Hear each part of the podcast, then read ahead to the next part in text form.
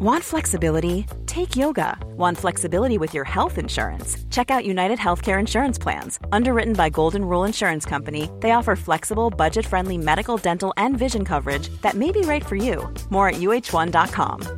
Hey, I'm Ryan Reynolds. Recently, I asked Mint Mobile's legal team if big wireless companies are allowed to raise prices due to inflation. They said yes. And then when I asked if raising prices technically violates those onerous two year contracts, they said, What the f are you talking about, you insane Hollywood ass? So to recap, we're cutting the price of Mint Unlimited from $30 a month to just $15 a month. Give it a try at mintmobile.com slash switch. $45 upfront for three months plus taxes and fees. Promo rate for new customers for limited time. Unlimited more than 40 gigabytes per month. Slows. Full terms at mintmobile.com. نفتح بقى ايه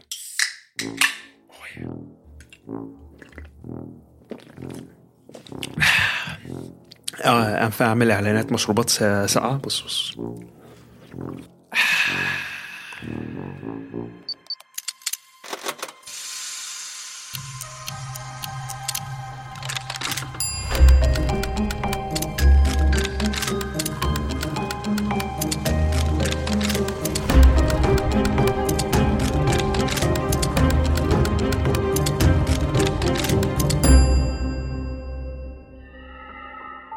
صباح أو مساء الخير يا مستمعين هذا البودكاست الجميل.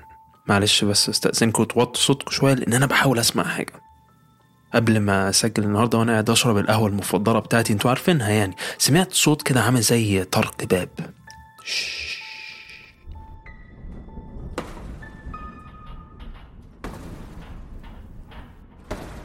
سمعتوا سمعتوا سمعت. سمعت أنت لو ورا سمعت؟ يعني إيه يعني إيه ما كنتش مركز؟ يعني يوم ما اشغل المروحة تقول لي وطي صوت المروحة ولما نسمع صوت خبط تبقى أنت خلاص ما بتسمعش. المهم خليني في أول الحلقة دي أحكي لك قصة يا مستمعي. افتح المروحة بتاعت بيتك هات مشروبك الساقع أو السخن واستعد. في ليلة هادئة في أمريكا في سبتمبر 1961 الزوجان بارني وباري كانوا راجعين بيتهم في عربيتهم. الطريق كان بالنسبة لهم معروف جدا فمش مركزين قوي في الطريق. مضت الدقائق وبارني بدأ يلاحظ إن بقالهم فترة ما شافوش عربيات على الطريق. بالرغم من إن ده طريق بيستعمل كتير. بس وهو بيحاول يفهم اللي بيحصل حواليه لقى نور في السماء. في سواد الليل ماشي وراهم كل ما بارني يسرع النور يسرع. الطريق اللي المفروض كان ياخد ساعة كان عمال يطول ويطول ويطول. لحد ما فجأة باري وبارني لقوا نفسهم وصلوا بيتهم على الفجر.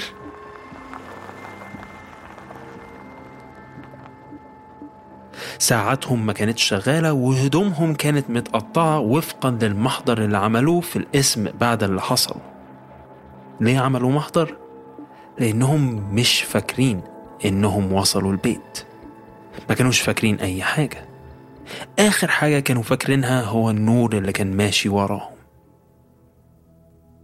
تفتكر يا مستمعي إيه اللي حصل لهم؟ فكر كده وهرجع للقصة دي في آخر الحلقة.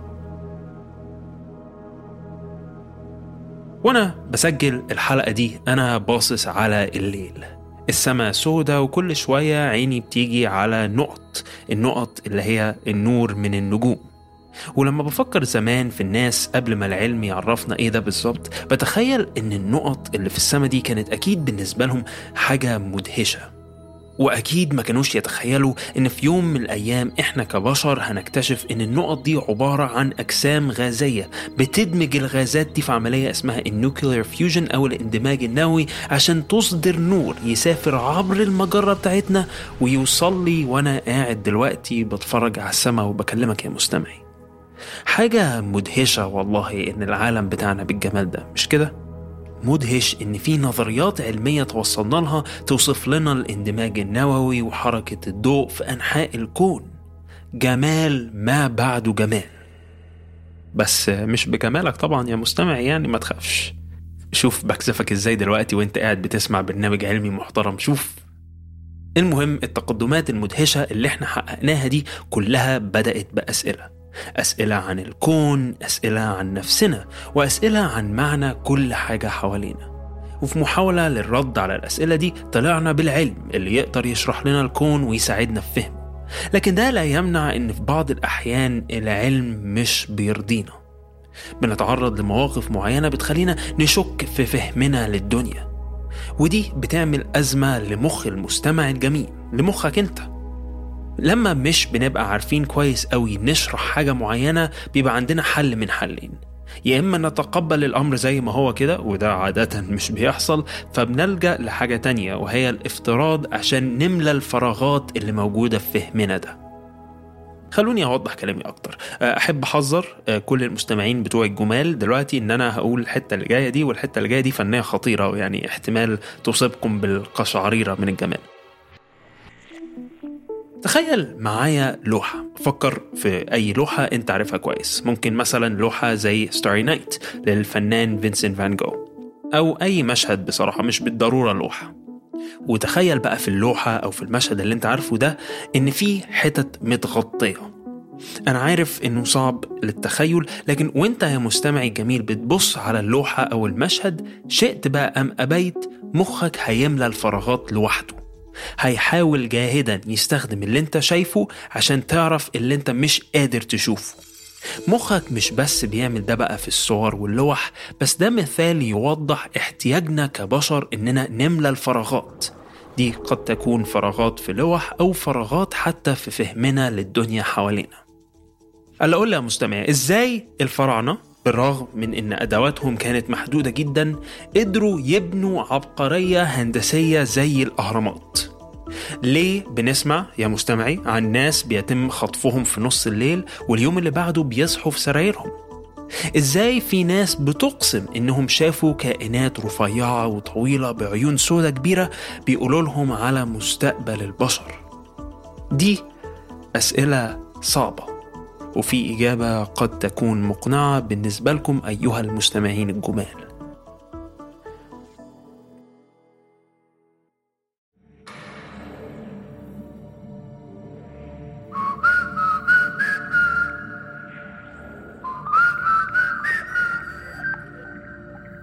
الفضائيون.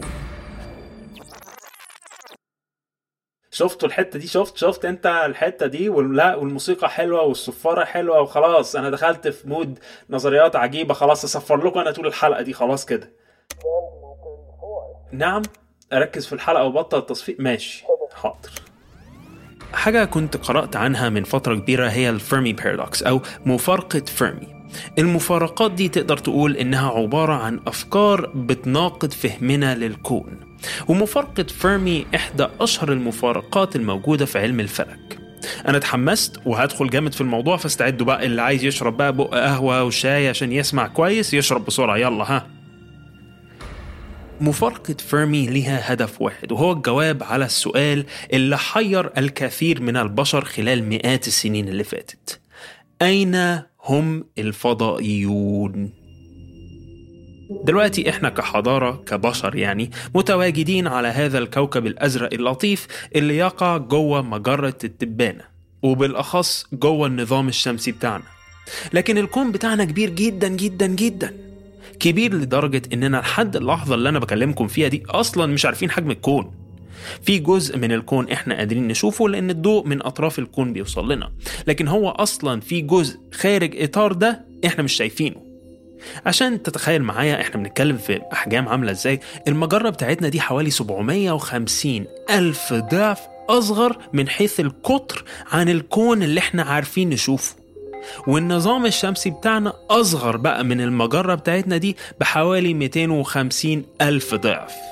فتخيل إحنا صغيرين قد إيه في ظل هذا الكون المبهر مفارقة فيرمي بتقولك الآتي طالما الكون كبير قوي كده وإحنا يعني متواجدين في جزء صغير جدا منه فمنطقيا المفروض يكون في حضارة أخرى غير البشر موجودة في الكون الواسع ده فالسؤال هم فين؟ لو في حضارة أقدم شوية من البشر هيكونوا تطوروا تكنولوجيا لدرجة إن سهل جدا بالنسبة لهم السفر عبر المسافات اللي في الفضاء. وليه تبقى حضارة واحدة؟ مش في احتمالية كبيرة إن يكون في مئات إن لم يكن الآلاف من الحضارات غير البشر؟ مش عارف يا مستمع أقول لك إيه بس أنا وأنا قاعد دلوقتي بتخيل إن في واحد فضائي كده قاعد بيتفرج عليا وأنا بسجل الكلام ده وقاعد بيشرب القهوة الفضائية بتاعته وبيضحك لنفسه والموضوع كريبي جدا الحقيقة يعني. دي مفارقة فيرمي وممكن تكون أنت أصلا مؤمن ومقتنع بيها من غير ما تكون عارف إن ليها اسم. لكن في ظل هذا الكلام العميق عن الفضائيين خلونا نتكلم شوية عن معتقداتنا. في كتابه Man is what he believes يقول الكاتب أنتون تشيكوف إن الإيمان بيخلق معنى لحياتنا. وأنت بشكل إرادي أو لا إرادي بتؤمن بحاجات كتير جدا. من غير ما تؤمن بالحاجات دي احتمال تحس إن حياتك ملهاش معنى قوي. وقد تكون مؤمن مثلا أن هناك فضائيين عايشين بره مجرتنا مثلا وبيزوروا كوكب الأرض بشكل مستمر. نظرا لأن العلم مش عارف يشرح بعض الحاجات زي اللي قلناها في أول الحلقة فتفسير إن في فضائيين منطقي بالنسبة لك. بس حابب أقول لك إن مش معنى إن في تفسير لحاجة إن التفسير ده بالضروري صح. اوعى يا مستمع تتضايق مني أنا مش جاي النهارده أقلل من اعتقاداتك الجميلة. يا مستمع يا جميل. إحنا زملاء برضه ما يصحش. لكن حابب أسألك سؤال كده لعل هذا السؤال يوضح وجهة نظري في موضوع الفضائيين. دلوقتي لو سألتك عن حاجة زي الجاذبية وقلت لك اوصفها لي هتقول إيه؟ مالك يا مستمعي ساكت ليه؟ ده مش امتحان ما تخافش. بتقول إيه؟ الجاذبية حاجة بتشد الأجسام لبعض، حلو قوي. بالفعل ده تعريف بسيط جدا للجاذبية. الأجسام اللي ليها كتلة بتجذب بعض. فأنت مثلا على كوكب الأرض لو قررت في يوم من الأيام تعترف لحب حياتك بحبك ليها وقدمت لها شوكولاتة وورد وراحت ضربهم كده من إيدك هتلاقي إن الورد والشوكولاتة اللي أنت جبتهم وقعوا على الأرض مش عشان أحلامك تحطمت بس عشان الجاذبية ما بين الأرض والشوكولاتة والورد. ده تفسير جميل وعلمي ويعني محزن بصراحة ويا رب ما حدش يزعلك كده أبدا يا مستمعي. فلنتخيل بقى إن أنا قلت لك إن مفهومك للجاذبية جميل بس أنا اكتشفت نظرية جديدة. النظرية دي بتقول لك الآتي بتقول لك إن الجاذبية عبارة عن إن في ناس صغيرة أنت ما تقدرش تشوفهم بعينك مربوطين في كوكب الأرض.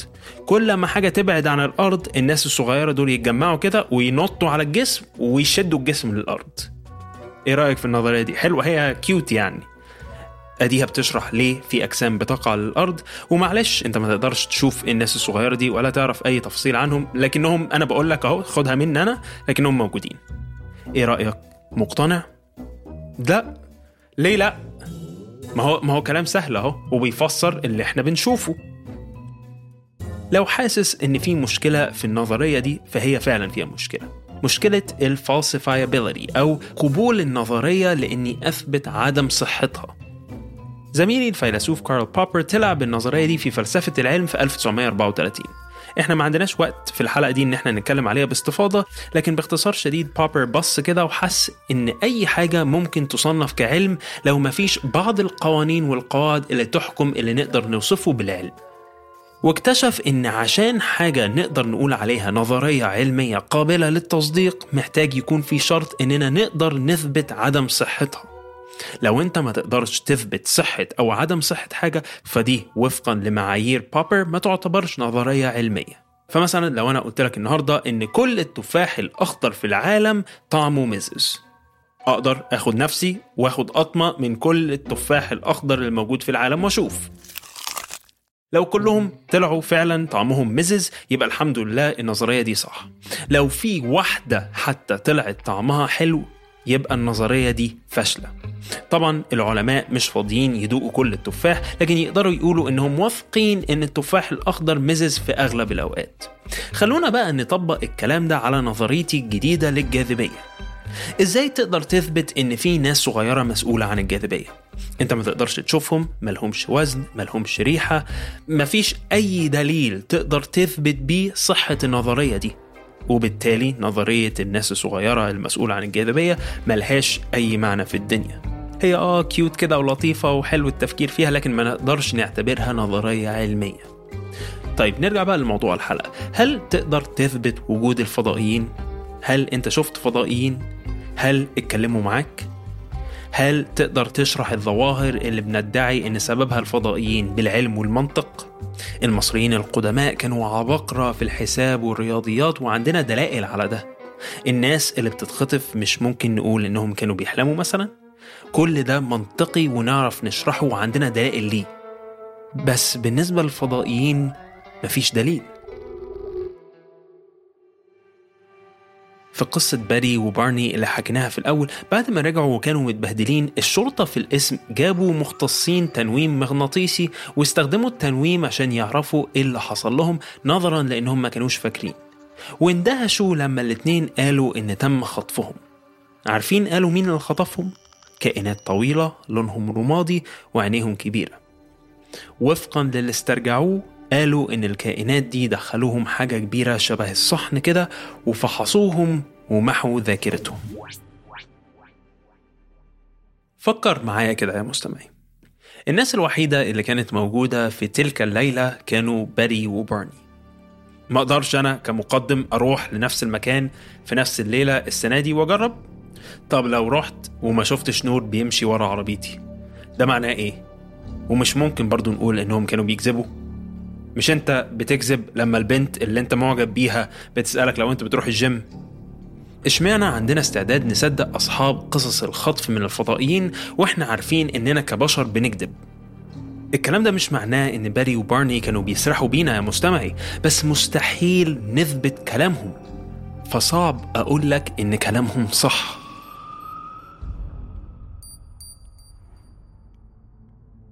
في آخر الحلقة دي عايزك ترجع كده مع نفسك وتفكر في مفارقة فيرمي هل علميا نقدر نقول بشكل حتمي إن النظرية غلط؟ لا هل نقدر نجزم إن في فضائيين؟ للأسف برضو لا لأننا ما عندناش أي دليل أو قدرة على إننا نثبت وجود فضائيين لما بفكر في سؤال أين ذهب الفضائيون بتخيل إن ممكن نكون بنؤمن بيهم لأننا لما بنبص في السماء بالليل وبنتخيل عظمة الكون صعب نصدق إننا قد نكون لوحدنا. مريح إننا نتخيل إن شرح بعض الظواهر اللي مش فاهمينها عبارة عن إننا ننسب الموضوع للفضائيين. ولكن تذكر يا مستمع الجميل إن علميا ممكن الفضائيين يكونوا عايشين في دماغك فقط لا غير. زي ما بالظبط احتمال يكونوا موجودين بيتفرجوا عليك دلوقتي وانت بتسمع الحلقة دي. وتصبحوا على نور.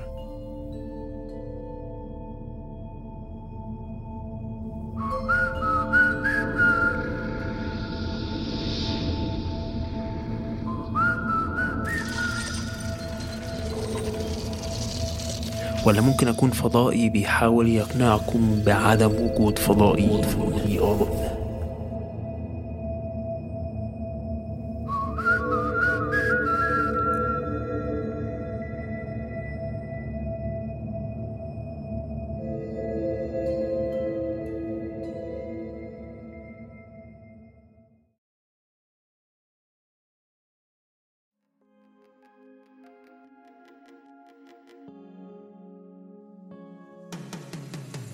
في آخر هذه الحلقة. نحب نقول إن البودكاست ده من إعدادي وتقديمي أنا شخصيا. تدقيق حقائق تمارا جبوري ولينا الديب. إشراف تحريري هبة عفيفي. تصميم صوتي وتأليف موسيقى محمد خريزات وبول ألوف. تسويق سمية أبو عبد الله وبيلا إبراهيم. تصميم ال graphics أحمد منصور. شكرا للدعم التحريري من كل فريق Kerning Cultures ناس لطيفة والله بجد. بودكاست علمي جدا من إنتاج شبكة كيرنينج كولتشرز